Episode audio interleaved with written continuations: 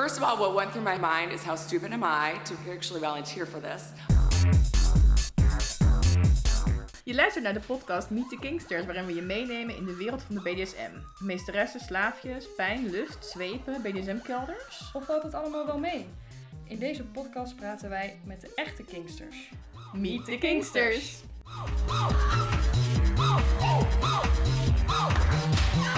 It, it, it was unbelievably painful. Hi en super tof dat je luistert naar Meet the Kingsters! Eh, vandaag hebben wij Govert als gast. En eh Govert is dominant en hij doet al 20 jaar aan BDSM. Hij heeft een fetish voor medical play. Eh, is dat gewoon doktertjes spelen voor volwassenen? Of is het iets heel anders? We gaan het straks zeker aan hem vragen. In het dagelijks leven helpt hij bedrijven innoveren en veranderen. En hij woont in New York. Eerder woonde hij al in Londen, in China en in Nederland. Dus hij heeft ervaring met Kingsters en BDSM-scenes van al die verschillende landen. We zijn super benieuwd naar de verschillen. Ehm, ik ken Govert al ja, sinds mijn begintijd in de BDSM-scene. En ik ontmoette hem op een chat waar eh, hele strenge DS-protocollen golden. En die protocollen hebben nog steeds zijn interesse binnen een relatie. Nou, super leuk. We hebben onze eerste internationale gast. Welkom. Super leuk dat je er bent. Dankjewel. Ehm, zou je ons iets kunnen vertellen over jouw allereerste BDSM-ervaring? Eh, zeker. Ehm, ik ben als eerste op een chatroom terechtgekomen die heette Kinky C of Kinky Culture. Eh, en daar leerde ik een aantal mensen kennen. Eh, en op een gegeven moment was er een plan om ehm, met twee vrienden die ik daar had gemaakt naar een eh, andere eh, mede-chatter in België te gaan. Die woonde in België. Dat hebben we met z'n allen gedaan. En eh, ik heb op dat, dat was een dame. En ik heb aan het eind van de avond die we daar op bezoek gingen, ook met die dame gespeeld. We zijn daar blijven slapen. En ik was zo overdonderd van mijn eerste BDSM-speelervaring.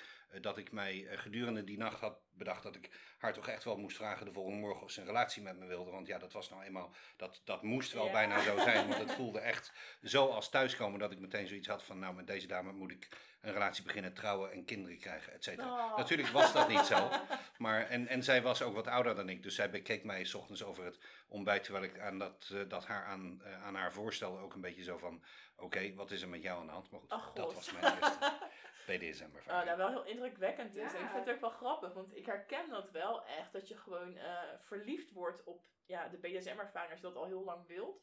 En ik had dat ook met de eerste dominant met wie ik speelde. Ik dacht heel lang dat ik echt heel erg verliefd op hem was. Ik ben zelf met hem gaan samenwonen.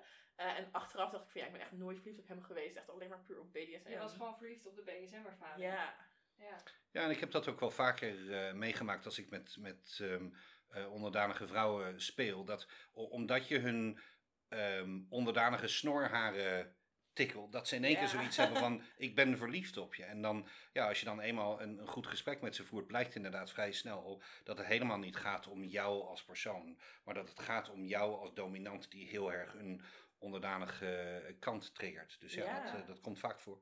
Ja, ik denk zeker als iemand nog niet eh super veel ervaring heeft, dat dat ook heel verwarrend kan zijn. eh, ja, Ja. om dat verschil te merken. Want ja, het is gewoon zo indrukwekkend allemaal wat je dan meemaakt. Had je zeg maar in je hoofd al wat je wilde doen dan met haar? Had de je daar allereerste al, keer. al over nagedacht? Of was het heel stuntelig? Of was het juist echt helemaal perfect en hoe je had voorgesteld?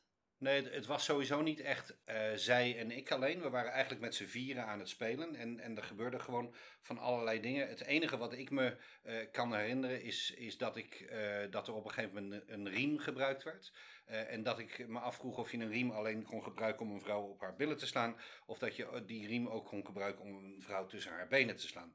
en Oh, dat ja. heb ik met mijn dominante vriend, die iets meer ervaring had, overlegd. En hij vond toch wel dat dat ook mogelijk moest zijn. Dus, dus dat, dat is ook dat je dat gebeurd. Ehm, eh, verder kan ik me er niet heel veel van herinneren, moet ik zeggen. Eh, Ja. ook omdat er, denk ik, een beetje drank in het spel was. oh, Weet je nog wel hoe voelde eh, dat je haar dan voor het eerst sloeg? Dat je voor het eerst iemand pijn deed? Hoe voelde dat dan voor jou? Was dat echt yes of ook van oh nee, oh... Ik denk dat het wel een beetje dubbel was. Want ik ben in het begin echt wel heel lang bezig geweest met voor mezelf en voor de buitenwereld te, on- te ontkennen dat ik een sadist ben. Dat ben Ja. ik heel duidelijk wel. Ehm, ik was vroeger echt heel duidelijk dat ik alleen maar dominant was. Want ik vond dat je daar nog wel mee weg kon komen, zou ik maar Ja. zeggen. Dat, je, eh, dat, dat was nog wel sociaal acceptabel. Maar sadisme is natuurlijk wel even een volgende stap. Dus Ja. Eh, dus ik zal daar ongetwijfeld gemengde gevoelens bij hebben gehad. Want het is pas Eh, ik denk, nou ja, het is eigenlijk zolang als ik mijn, mijn huidige nik heb, dat ik, eh, die, die heel duidelijk verwijst naar sadisme, dat ik ook voor mezelf eh, eh, in alle eerlijkheid heb geaccepteerd dat ik ben wie ik ben. Ja. Dus heel dat zal in het begin al wel Ja. moeilijk geweest zijn. Ja. Ehm, ja, we hebben een nieuwe rubriek. Ehm, dat heet. Lieve Kinksters. En ehm, daarin behandelen we een vraag die ons eh, ja, via social media gesteld is. Via onze Instagram kregen we deze vraag. Ehm, en eh, ja, dus dan eh, gaan we kijken of we deze mede-kinkster kunnen helpen. Ik zal de vraag even voorlezen. Eh, lieve Kinksters, ik ben BDSM curious en ik wil graag op een veilige manier Kinksters ontmoeten. Zonder dat familie en vrienden erachter komen. Hoe kan ik dit het beste aanpakken? Ja, nou bedankt voor je vraag. Fijn dat je dat stelt. Ja, Ehm, ik denk dat, dat je moet beginnen met gewoon naar FL te gaan, naar VetLife. Dat is een website, ehm, ja, een soort kinky Facebook. Ja. Eh, maak daar een profiel aan en zorg dat je lid wordt van een eh, bepaalde groepen, zeg maar. ja van Nederlandse, Nederlandse groepen. groepen. En ehm, ja, dan kun je naar een munch. En een munch is eigenlijk een ontmoeting ehm, in een eh, gewoon vanilla omgeving. Ja, in een café. In een café. En dan komen daar gewoon allemaal mensen in en kan je ze gewoon ontmoeten. En zonder dat daar meteen spel bij is. Ja, dus dat is echt gewoon Kingsters die gewoon zich normaal als vanilla's gedragen, ook normale kleding aan hebben. Eh, waardoor andere mensen het ook niet doorhebben dat het Kingsters zijn. En dan op die manier kan je heel goed eh, mensen ontmoeten. Ja, wat, wat, wat zou jij zeggen, Govert? Ja, ik ben het daarmee eens. Ik denk misschien ook nog eh, belangrijk om te vermelden is dat sommige munches ook eh, een, ehm, een verwelkomingsprotocol Oh, hebben. Ja. Dus mocht je echt heel erg last hebben van drempelvrees en het moeilijk vinden om eh, ergens naar binnen te lopen en je bij een groep te mengen, dan kan je soms ook ehm, eh, iemand bellen van tevoren. Die komt je dan even halen bij de deur. En dan heb je even een moment waarbij je één persoon kunt leren kennen en die kan je dan voorstellen aan de rest van de groep. Want ik zou me kunnen voorstellen dat mensen dat alsnog best wel een Ja, drempel vinden. in zo'n hele groep in één keer stapt. Ja, Ja. klopt. Ja, ik weet dat er ook volgens mij in Rotterdam een munch is waar ze een aparte tafel dan hebben gereserveerd voor de nieuwe mensen die volgens mij ook iets eerder mogen komen. Zodat je dan met alle nieuwe mensen, zeg Ja. maar, eh, elkaar vast, in elk geval dan vast kent. Ja. Eh, maar ik denk ja, sowieso dat munches wel eh, ja, de beste stap zijn om eh, andere kinksters te leren kennen op een veilige manier. En eh, ja, als je ook per se niet wil dat familie of vrienden erachter komt, dan kan je natuurlijk ook een munch uitzoeken die eh, ja, niet, niet heel Ja. dicht bij je eigen woonplaats is. Want die worden door het hele land gehouden. Ja. Dus, ehm, En ik denk dat eh, daarbij belangrijk is om, om eh, aan te geven dat eh, wij niet nieuwe Kingsters eigenlijk best wel heel leuk vinden als er nieuwe mensen bijkomen. Dus sommige Ja. mensen die nieuw zijn, die hebben misschien een beetje een, een vrees omdat ze denken dat iedereen anders dit al twintig jaar doet, et cetera. Maar vaak is het zo dat als je juist heel bewust aangeeft dat je nieuw bent, dat mensen een beetje een, een herinnering krijgen van Ja. hoe zij dat vonden toen zij nieuw waren. En dat is meestal een heel leuk aanknopingspunt om een goed gesprek over te hebben. Dus, dus Ja. geef dat met name ook heel duidelijk aan, zou Ja. mijn advies zijn. ja, en verder eh, veel plezier zou ik zeggen. Ja. Want ja, En ook, ehm, misschien is het ook wel goed om erbij te zeggen, als je een profiel aanmaakt, zorg dat die, dat die leuk is. Dat, dat mensen kunnen zien dat jij eh, aandacht aan hebt besteed. ja Ehm. dat je ook wat over jezelf als persoon vertelt Ja. en niet alleen maar over, over je kinks. Ik denk dat dat ook wel een goede Ja. tip is. Nou, Nou, ik eh, hoop dat, eh, dat deze medekingster eh, er wat aan he wat, wat aan heeft. Ehm, ja, nou gaan we nou, dan gaan we naar de volgende vraag. Ehm, waarom denk jij dat eh, BDSM een taboe is? Want nou, dat merken we nog, hè? daarom zijn wij deze podcast ook begonnen. Waarom denk jij dat BDSM een taboe is? Ik denk om te beginnen dat BDSM minder een taboe is dan 20 jaar geleden. Ja. Eh, en, en daar hebben we met name, maar denk Eva ik, weet dat niet, want eh, die is nog niet zo oud. Dat is waar. d- dat hebben we denk ik met name te, te danken aan het feit dat het meer en meer in de mainstream media eh, wordt behandeld. Ik, ik wil bijna niet zeggen, maar 50 Tinten Grijs heeft toch echt wel bijgedragen aan ja. enige acceptatie van, van BDSM. Ehm, ik, ik denk dat, ehm, dat het taboe met name rust op het feit dat eh, binnen BDSM een, een heel eh, aantal mensen natuurlijk bewust op zoek gaat naar ervaringen die in het dagelijks leven juist absoluut niet zouden kunnen. Je laat je in het dagelijks leven waarschijnlijk niet aan een kruis nagelen en, eh, en slaan. Of, eh, je, laat, of, of je, je, je laat je in het dagelijks leven niet, eh, niet onderzoeken door een, eh, door een iets wat perverse dokter, et cetera, et cetera. Maar Ja. binnen BDSM kan dat wel. En ik denk waar mensen die er geen verstand van hebben heel erg tegenaan lopen, is dat ze niet begrijpen dat het fantasie is. En dat het juist heel erg een bewuste keuze is om binnen een veilige omgeving een bepaalde fantasie uit te leven. Ja. eh, zo, eh, in plaats van dat je die eh, naar het normale leven overhaalt. Dus, dus dat, ik denk dat mensen last hebben met, met, het, eh, met het begrijpen dat er een bepaalde grens is tussen fantasie en werkelijkheid. En dat wij daar natuurlijk vrij actief mee spelen. Eh, en zij zoiets hebben van, ja, maar dat kan in, in het dagelijks leven is dat niet acceptabel. Dus moet je dat in je slaapkamer ook niet willen. Nou, ik vind dat wel een goed punt. Op die manier heb ik er echt nog nooit over Nee, ook nagedacht. Maar ik denk dat dat wel... eh, ja, ik denk dat er wel echt wat in punt is. zit. Ja, Ja. Fijn. cool. Hey, ehm, hoe is BDSM in jouw dagelijks leven aanwezig? Want hè, wat we dan vaak op televisie zien, eh, is natuurlijk heel sensatieachtig. Mensen die de hele dag daarmee bezig zijn. Ja, voor die mensen die nog met zo'n uh, rubberen catsuit aanlopen Ja. en eh, een slaafje aan het commanderen zijn, dat het lijkt alsof dat gewoon, dat ze ook zo naar de winkel gaan. Ja, ik denk dat, dat, dat 90% dat niet doet. Nou, ik denk wel meer. 99 procent. Ja. denk ik. In ieder geval heel, heel veel procent van de mensen doet dat niet. Eh, Dat denk ik hoe ook. is dat bij jou aanwezig? Eh, ik denk om te beginnen, ik ben geen fetishist. Dus ik heb geen eh, interesse in, ehm, in bepaalde kleding. Of, of eh, me, me op een bepaalde manier uit te dossen, et cetera. Dus dat valt al meteen af. Je zult Ja. mij niet... Nou, ik heb geloof ik wel ooit een keer een, een leren broek gehad. Maar dat was ook al vrij snel eh, duidelijk dat dat niet mijn ding was. je zult mij niet in een, in een rubberen outfit of een leren broek of noem het maar op ziet. Dus, Ja, zien. dus Dus dat- kleding kunnen mensen Nee, niet zien. Ehm, en, en daarbij, ehm, met name vanwege het soort van werk dat ik doe, moet ik ook echt zorgen dat ik op mijn werk heel anders ben dan dat ik persoonlijk thuis zou willen zijn. Dus ik zet heel duidelijk mijn dominante karakter als ik naar mijn werk ga in de ijskast. En ben vervolgens een, een werkpersoon. En als ik dan thuis kom, dan is er misschien wel weer ruimte om, eh, om echt mijn natuurlijke karakter wat meer te volgen. Maar dat maakt het natuurlijk wel moeilijk. Dus mijn, eh, in het dagelijks leven is, is BDSM vaak in mijn gedachten. Maar doe ik er niet heel erg actief iets mee. Omdat het heel moeilijk is om iedere keer dat, dat om te schakelen. Ehm, en nu ben ik twee weken op vakantie in Nederland. En dan doe ik er wel heel veel mee. Want nu hoef ik niet zo heel duidelijk bezig te zijn met een bepaalde andere persona neer te Ja, zetten. ja. Dan dat ik natuurlijk ben. Ja, want ik geloof eh, dat je ook een leuke afgelopen dagen gehad hebt.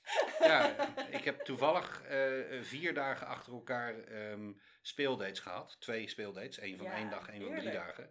En eh, dat is misschien wel interessant om, om te melden voor de mensen die nieuw zijn eh, en hier naar luisteren. Ehm, eh, je, je hoort wel eens ehm, onderdanige eh, mensen vertellen over wat heet een subdrop.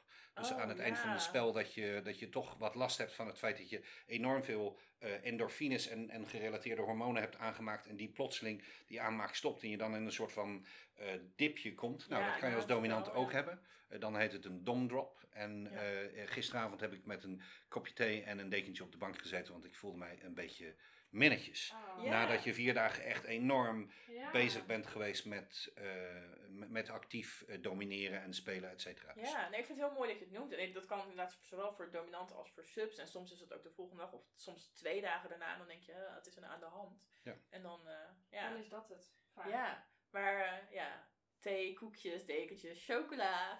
het helpt. En ja, Absoluut. erover praten met iemand eh, helpt natuurlijk ook altijd. Even contact zoeken met degene met wie je hebt gespeeld. Maar eh, ja, dat is wel iets eh, ja, wat kan gebeuren. Ja. Ja. Ja. Maar ja, gelukkig dat je daarvoor wel vier hele leuke dagen hebt gehad. Absoluut. en dat je nu eh, lekker even, ja, eh, anders dan in je normale dagelijks leven lekker veel bezig kon en zijn. Ja, Ja. precies. Ehm, en eh, ja, we vertelden het net al, je hebt een medical play fetish. Mhm. Ehm, ja, ik vroeg me al af, van, is dat nou inderdaad gewoon een soort doktertjespeler, maar dan eh, voor grote mensen? Hoe gaat dat? Hoe is dat voor jou? En hoe ben je daarmee begonnen? Ehm, ik denk dat het, dat het op zijn allerbazaalst absoluut dochtertje spelen voor volwassenen is. Ik denk dat Ja. we daar niet, niet al te moeilijk over moeten doen. Eh, hoe ben ik ermee begonnen? Dat weet ik eerlijk gezegd niet helemaal meer. Het is al wel echt een interesse die ik vrij lang heb. En, en er is een aantal dingen die mij, die mij daarin in aanspreken. Om te beginnen ehm, is het best wel taboe. En dat maakt het natuurlijk ook best Ja. wel spannend. Eh, er, er zijn een aantal eh, mogelijkheden binnen medical play die, ehm, eh, nou, die, die zelfs denk ik de, de gemiddelde BDSM'er nog wel als, als wauw zou ervaren. Dus, dus dat, dat vind ik er leuk aan.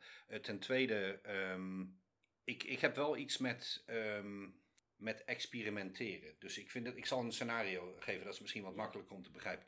Ik vind het bijvoorbeeld leuk, ik heb recentelijk een, een bloeddrukmeter gekocht en een eh, wauw. zuurstofmeter. Mhm. Die je op je vinger kan zetten Oh, en een bloed, cool, bloeddrukmeter dus om je arm. En ik vind het leuk om dan eh, samen met een vrouw te kijken hoe bloeddruk en zuurstof verandert. Oh. eh, naarmate je meer orgasmes hebt gehad. Gebeurt er dan überhaupt iets met je lichaam? Nou, dat soort dingen vind ik gewoon Oh, interessant ik om, interessant. om mee bezig te zijn. Ik ben nu echt benieuwd naar de uitslag. ja, Helaas heb ik het nog niet kunnen proberen, maar ik oh, zal jullie ja, ervan op de hoogte houden. En, en in dat opzicht vind ik het ook interessant om, eh, om iemand bijna, bijna als een, eh, een proefobject te zien in Ja. plaats van een mens. Dus je bent heel, heel erg eh, bezig met hoe de mechanische, lichamelijke processen binnen een mens werken. In plaats van dat je bezig bent met Eva, met Tess, met Robert, noem het maar op. Ehm, eh, dus ik, ik vind dat, dat non-persoonlijke ook wel eh, Een beetje interessant objectificering Ja. eh, idee. om, om mee Ja. te spelen. Hè? Er ligt een patiënt op de, op de tafel en daar ben jij medische handelingen mee aan het, mee aan het doen. zonder dat je nou heel erg veel ehm, eh, hebt met die persoon. Zoals een dokter dat natuurlijk normaal Ja. ook Ja. heeft. Want die ziet jou echt als een casus in plaats van als een Ja. persoon die daar op bezoek komt. Dus Oh, dat vind ik er ehm, interessant aan. Verder zijn er een aantal eh, specifieke elementen aan, aan medical play die me gewoon heel erg aanspreken. Eh, naalden is er een van. ehm, sounding is, eh, is er eentje die ik zeker wel interessant uitleggen. Ja. Ik denk dat niet iedereen weet wat dat is. Oké, voor de mensen die wat, wat lichtgevoelig zijn, misschien even doorspoelen.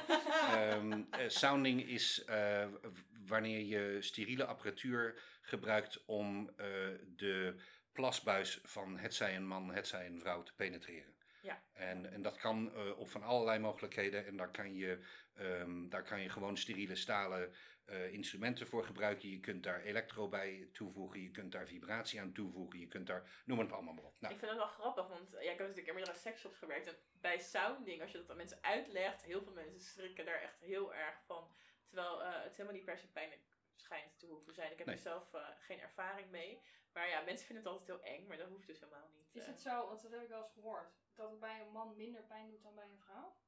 Of dat het, en, en ook dat het bij een man wat minder gevaarlijk Ja, is bij een man dan- is het makkelijker. Bij een vrouw moet je meer uitkijken omdat je veel sneller in de blaas zit. Eh, Ja, de, de plasbuis van een man is ongeveer tussen de 2 en de 2,5 keer zo lang als de plasbuis van een vrouw. Dus je zit gewoon veel korter op de blaas. En daarmee eh, is er veel grotere kans om blaasontsteking te, te eh, laten ontstaan. Ja. Eh, dus je moet eh, bij, bij een vrouw eh, meer dan bij een man absoluut zorgen dat je met steriele instrumenten aan de gang bent. En ja, dat je je dus ook bijvoorbeeld. even gaan proberen. Precies, dat je dus ook bijvoorbeeld steriel glijmiddel gebruikt, dat je handschoenen draagt, et cetera, et cetera. Dus het is, het is absoluut niet iets wat je op zaterdagmiddag om tien voor vier wilt besluiten dat je om vier uur wilt doen. Je moet je daar goed op inlezen, je moet goed zorgen dat je de juiste spullen voorhanden hebt, et Heb je cetera, et er cetera. tips voor, voor iemand die dit zou willen, die dit hoort en denkt, oh dat wil ik? Hoe begin je? Ehm, ik zou beginnen met eh, specifieke VetLife groepen daarvoor eh, door te lezen. Dat is absoluut eh, wat, wat mij ook heeft geholpen in het begin. Eh, en als mensen daar specifieke vragen over hebben, dan kunnen ze ook mij op VetLife een, een mailtje sturen. En eh, dan zal ik ze zo goed mogelijk proberen te helpen. Nou, Ja, want het is gewoon iets wat je echt, eh, ja, meerdere dingen in BDSM, dat je gewoon echt moet, eerst moet uitzoeken van hoe werkt het. En soms zijn voor sommige dingen ook naalden, heb je vaak workshops bijvoorbeeld Ja. voor. Uh, dat zijn dingen die je niet zomaar eventjes moet doen natuurlijk. En nog even terugkomend op iets wat jij zei. ehm, eh, dat je had begrepen dat de meeste mensen ervan uitgaan dat het pijn doet. Ja. Eh, als het pijn doet, gaat het niet goed. Eh, het, het is absoluut een hooggevoelig eh, stukje van je lichaam. Dus, Ja. dus de, de, het gevoel, de sensatie is enorm heftig. Maar als het pijn doet, dan, is het, dan gaat het niet goed. Dus ik, ik zou zeker mensen aanraden om, eh, om dat ook heel bewust aan te geven als ze zich hiermee bezig willen houden. Ja, Ja. Wel grappig. Dat, ja, dat mensen dan wel dat idee erbij hebben. Maar ja, ik vind het wel grappig, want ik ken het natuurlijk al heel lang. En ik heb nooit eigenlijk met jou erover gehad van, goh, wat vind je nou leuk aan dat medical play? En als je dat nu zo vertelt, denk ik, oh, ja, nu, nu snap ik het veel meer. Want ik dacht, ja, gewoon doktertje spelen. hm. Maar met dat, ja, meer dat echt zo dokterpatiënt, dat er meer objectificering is, denk ik, oh, Ja, en, en een derde eh, punt, ik heb erover nagedacht op mijn weg hier naartoe. Ehm, ik vind het leuk om met enige regelmaat met dezelfde partner te spelen. En daar, om daar dan ook bepaalde eh, doelen of bepaalde ehm, ja, doelen eigenlijk met name in, in te hebben. Zodat je eh, dus als dokter eh, eh, bij de eerste consultatie eh, een aantal eh, observeringen kunt hebben die je vervolgens kunt gebruiken om een trainingsschema op te zetten of, Oh. of dingen af te spreken, et cetera. En dat, dat de, de patiënt dan met enige regelmaat terugkomt om, eh, om te controleren hoe het gaat met die doelen. En dat kan van alles zijn. Ehm, en da- dat vind ik ook. Kan je een voorbeeld noemen? Want ik ben Ja, heel nieuwsgierig.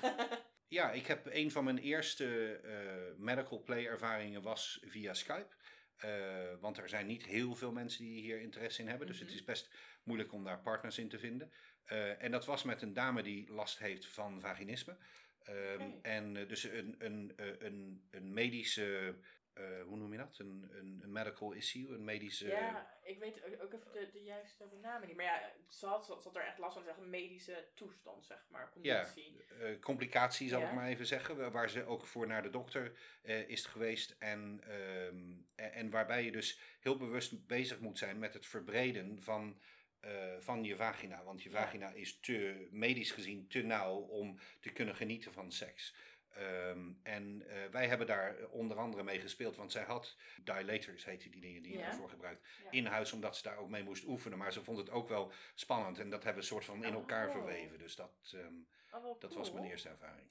Ja, want ik kan me wel voorstellen, want anders als je dat gewoon zo van je echte dokter dat moet doen en dat dat ja, misschien gewoon alleen maar heel vervelend is. Terwijl als je dat dan in een DS-setting hebt, dat dat misschien ook nog wel een beetje spannend kan zijn of zo. Ja, en verder kan je dat natuurlijk zo spannend maken als je, als je zelf wil. Ik bedoel, eh, zeker als vrouw heb je natuurlijk eh, eh, met regelmaat ervaring met een bezoek aan een gynaecoloog. En nou ja, goed, als, je, als dat jouw interesse heeft, dan kan dat natuurlijk ook heel erg verweven worden in het spel. Waarbij je kunt Ja. denken aan een eh gynaecologische stoel, aan een eendebek, aan noem het allemaal maar op. Eh, je kunt vastgebonden worden aan de stirrups waar je je benen in legt. Ja. Noem het maar op. Dus de, de, de, de mogelijkheden zijn eindeloos. Het is eigenlijk wel grappig, want eh, je zei van eh, dat eh, medical play, zeg maar, in de BDSM-scene is inderdaad nog wel een beetje taboe, of je hoort het niet zo vaak. Terwijl je wel op heel veel speelfeesten een gynaecologenstoel ziet staan. En in gewoon parenclubs ook. Dus een gynaecologenstoel is wel helemaal, oh, allemaal geil, lekker met je benen wijd. Maar als je dan medical play daarmee wil doen, dan is dat in één keer raar of zo.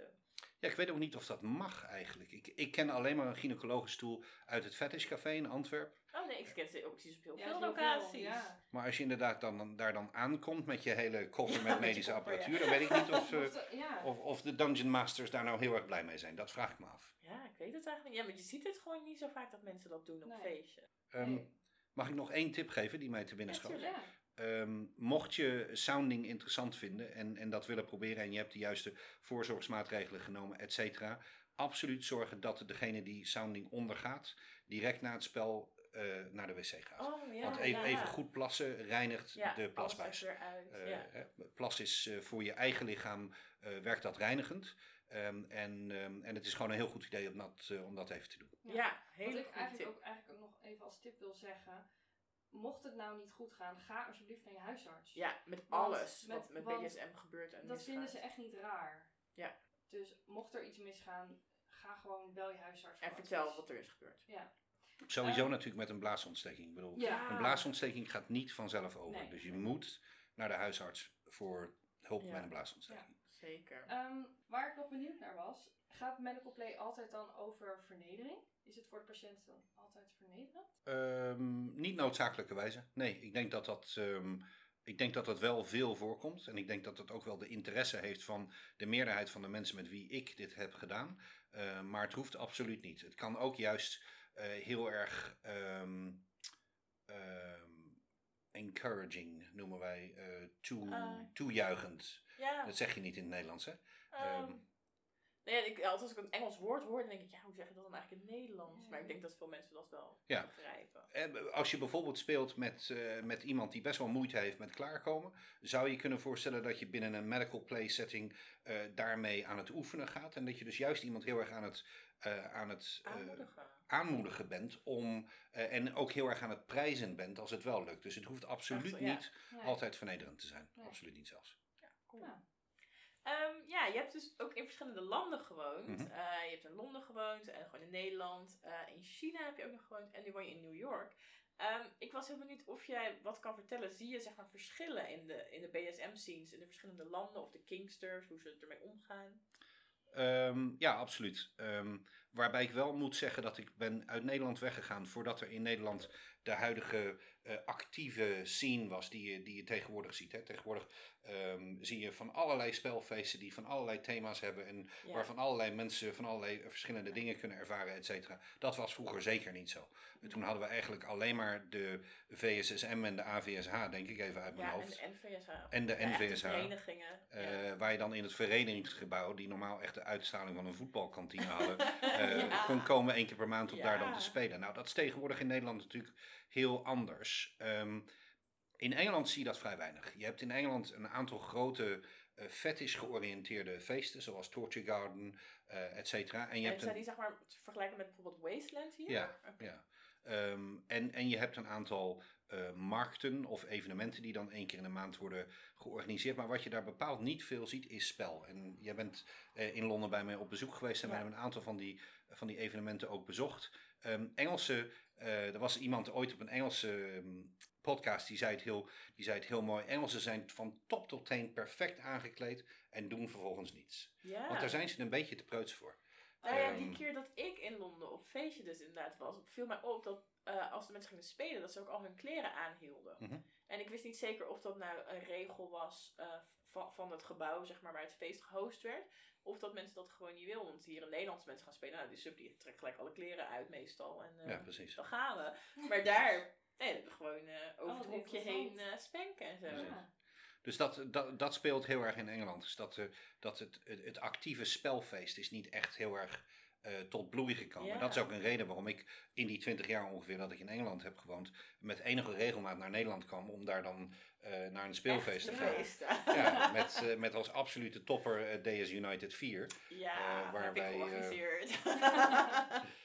Waar we eh, wachtwoorden moesten ontfutselen aan supjes. En dat was echt het mooiste feest Dat was ooit. een ondervragingsthema. was echt Ik vind het vet. zo erg ja. dat ik dat gemist heb. Ja, toen was ik nog minderjarig. Ja. Ja, maar eh, ja, die keer op dat feestje in eh, Londen viel me ook op dat de mensen die aan het spelen waren, dat het echt ook heel soft was. Ja.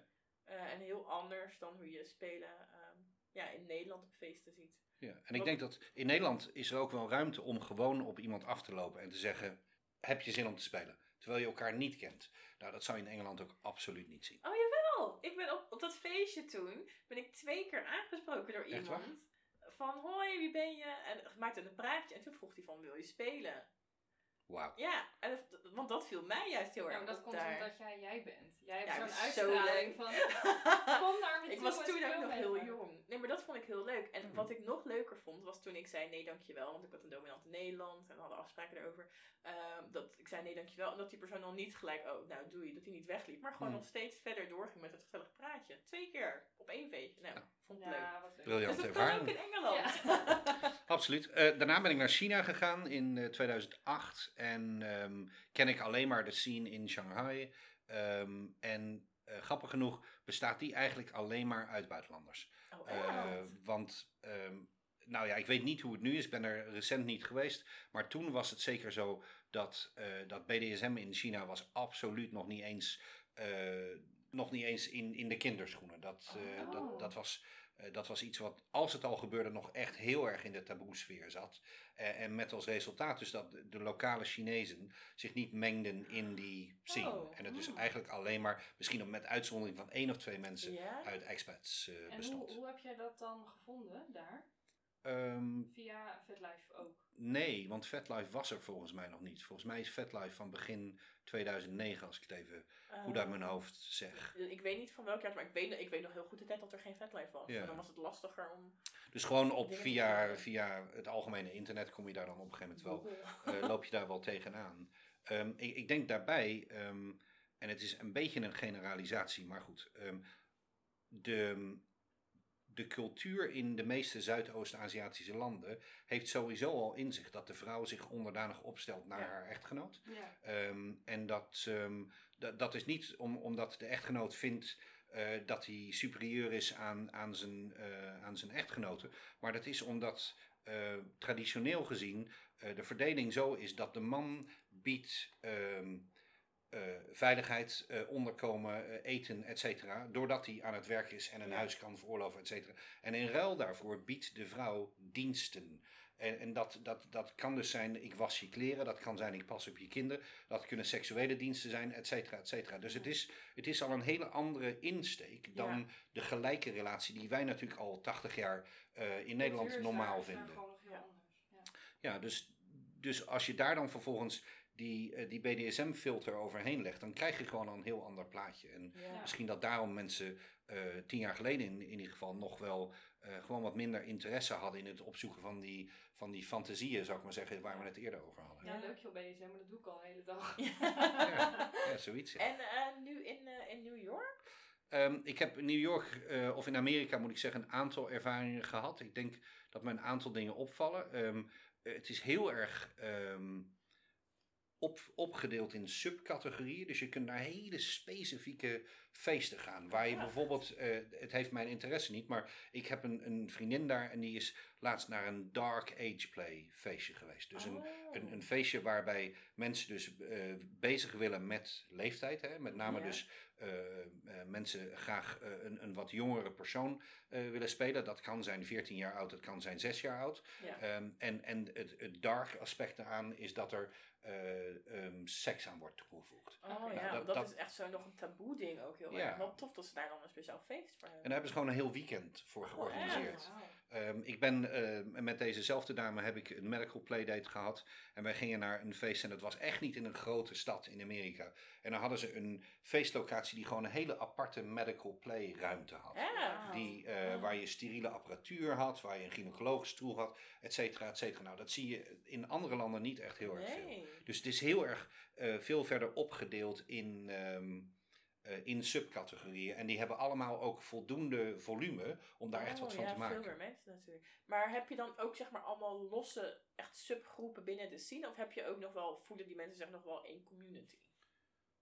In, in dit geval wat ik zag, eh, omdat die community is heel erg gebouwd rond die speellocatie, voelden mensen zich absoluut onderdeel van één community en werd het dan vervolgens in interesses opgedeeld. Oké. En het andere wat me is opgevallen is, ehm, Amerikanen zijn extreem streng op ehm, principes, regels, et cetera. Dus de eerste keer dat ik eh, naar deze speellocatie toe ging, ehm, eh, werd ik door de Dungeon Master, die ehm, de, de dame met wie ik speelde goed kent, eh, apart genomen. En heeft hij mij letterlijk even verhoord over of ik de principes van medical play wel beheerste. En, ehm, en dat, dat blijkt heel normaal te zijn. Dat je dus dat je gewoon veel actiever moet laten blijken dat je de kennis in huis hebt om veilig te kunnen doen wat je, wat je wilt doen. En hoe vond je dat? Nou, ik moest me daar denk ik wel even overheen zetten, want je voelt, Ja. je, je, voelt je toch een beetje in je eer aangetast. Ja. Maar tegelijkertijd ehm, denk ik dat het wel heel erg goed is. Ik denk Ja. dat het heel belangrijk is. En ik, ik zou eigenlijk hopen dat we het allemaal wat meer zouden doen. Want de, de, de keerzijde van die medaille was dat hij aan het eind, toen wij klaar waren met spelen en hij met haar gepraat had, ook nog heel duidelijk naar mij toegekomen is om me te bedanken dat ik zo goed voor haar gezorgd had, Oh, et cetera, et cetera. Dus ze zijn ook, ja, ze zijn daar gewoon echt heel erg actief mee bezig. Ja, ik krijg er echt zo'n dubbel gevoel van. Aan de ene kant denk ik, nou supergoed eh voor de veiligheid. Maar aan de andere kant denk ik, jeetje, eh, misschien doe ik dit al, al tien jaar thuis in mijn eigen slaapkamer. Hoezo ga jij mij nu eh, overhoren of zo? Ik Ja. mijn eigen verantwoordelijkheid en van degene met wie ik speel. Waar bemoei je mee? Dus dat voel ik ook. Dus ik weet niet zo goed wat ik ervan moet vinden, werk ik. Ja, niet wat, wat ik, vind ja, ja, ik vind het wel goed eigenlijk. Omdat het zo specifiek is. Kijk, Ja. iedereen kan, zeg maar, een, als we het even houden op algemeen BDSM-spel, iemand, iemand slaan, er zit nou, met een... Kan ook heel erg kan misgaan. ook, kan ook heel erg misgaan, maar minder mis dan medical play, denk ik. Ja, nou weet ik Dus omdat het zo specifiek Je is... kan ook knife play doen, wat misgaat natuurlijk. Of Ja, tuurlijk, maar iemand dat vind ik dus slaan ook weer specifieker. Maar iemand slaan met een, met een, met een zacht zweepje, daar Of kan niet zo heel veel een mis. vernederingsspel waardoor iemand echt daarna zich helemaal niet psychisch gewoon niet goed voelt. Dan kan, ik denk met alles kan het misgaan. Doen ze dat echt alleen met medical play of ook met andere dingen? Weet je dat? Eh, weet ik niet heel zeker, maar ik ga ervan uit dat ze het ook met andere dingen doen. Ik ga ervan uit dat als je bijvoorbeeld suspension wil doen, dat er ook heel specifiek vragen worden gesteld over weet jij wat je aan het doen bent. Ja. Ja.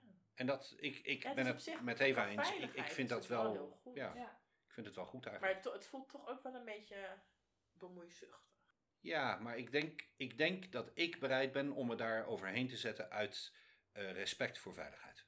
Maar zou dat ook te maken hebben, omdat het dan Amerika is en ze zeggen natuurlijk al sue you, dat, dat zij dan denken van ja, wij hosten dit feest en straks worden wij aangeklaagd als zij een blaasontsteking krijgt. Dat zou zomaar kunnen. Ja, dat Ik denk is dat dat een goed eh, punt is. Dat je hem gewoon moet indekken in Amerika. wel. Ja. Ja. in Nederland hebben we die cultuur nog niet zo. eh, ja, Nee. Je kan wel iemand aanklagen, maar. Gebeurt er niet zoveel. Nee, of, of het kan überhaupt niet. Of als je een schadevergoeding krijgt van ja, 50 euro. precies. Nee, ik denk, ik denk wel dat dat dat ermee te maken heeft, Ja. absoluut. Nou, wel, ik vind het ook wel heel tof dat jij zo al die scenes, zeg maar, dan eh, ja, toch mee hebt gemaakt. Ja, en ik ben niet de meest actieve scener, moet ik zeggen hoor. Want ik ben eigenlijk eh, met name vaak met mijn werk bezig. Maar, ehm, maar ja, wat ik ervan gezien heb tot nu toe in, in Amerika, zeker nog de moeite van het ontdekken waard. En, eh, en Ja. ik ga proberen om daar eh, eh, in 2020 actief mee aan de slag te gaan. Ja, leuk joh. Ehm, ja, waar ik ook nog eventjes op terug wil komen, eh, over ja, de, de DS-protocollen. Ken je uit die chatroom natuurlijk. En je vertelde mij eerder dat binnen, als je een, een DS-relatie zelf hebt, dat dat ook iets is wat je, wat je graag dan ja, ermee speelt. Klinkt een beetje oneerbiedig. Maar ja, hoe, hoe werkt dat voor jou? Ik denk dat het bij mij niet zozeer spelen is. Ik, ehm, ik ben iemand die graag duidelijkheid heeft over verwachtingen.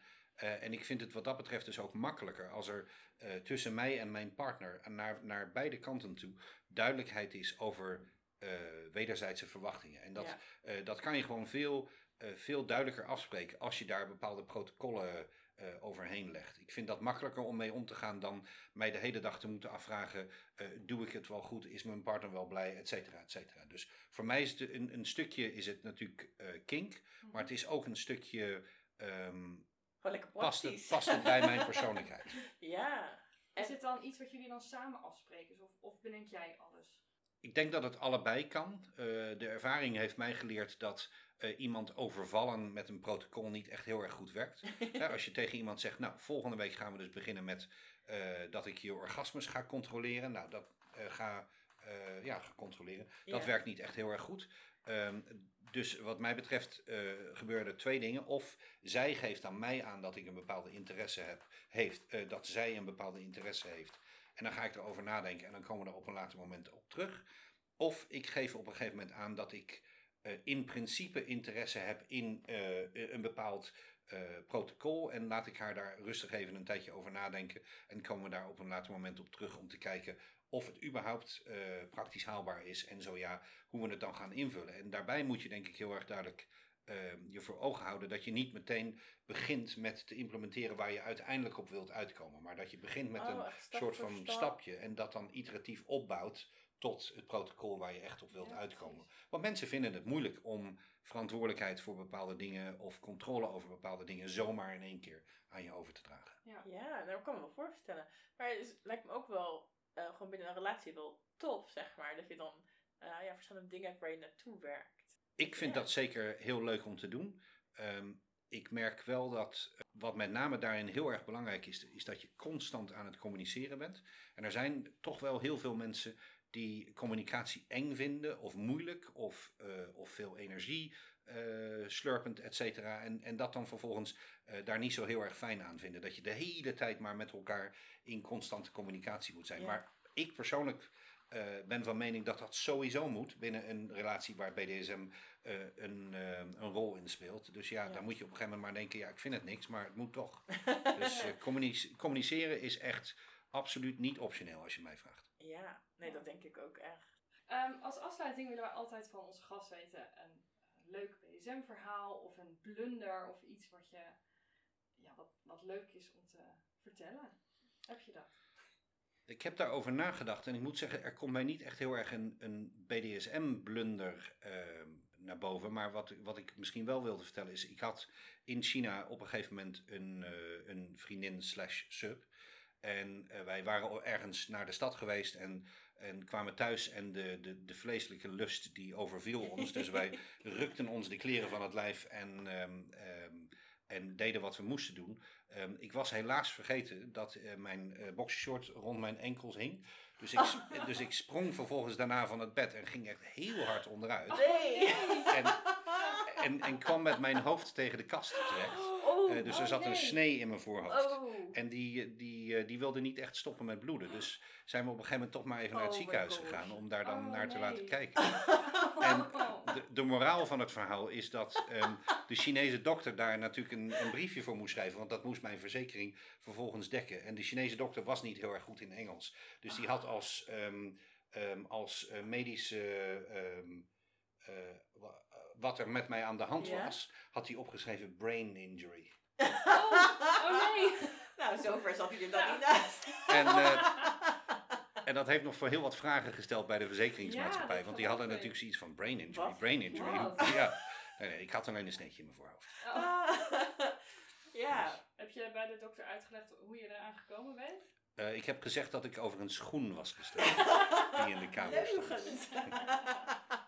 Nou, ik vind het wel een hele mooie blunder. Ja, ik vind het leuk. Ja, nou dankjewel dat je onze gast wilde zijn. Ik vond het echt super interessant. Dankjewel dat ik mocht zijn. Eh, en eh, ja, mensen vergeet ook niet ons even op Instagram te volgen, Meet the Kingsters. En eh vind het ook leuk als je een keer een reactie achterlaat. En als je dus zelf een vraag hebt die je graag beantwoord zou willen hebben door ons, eh, ja, kan je die ook via Instagram of via onze website aan ons stellen. Yes. En eh, nou, dan zijn we er volgende maand weer. Doeg! It, it, it was unbelievably painful.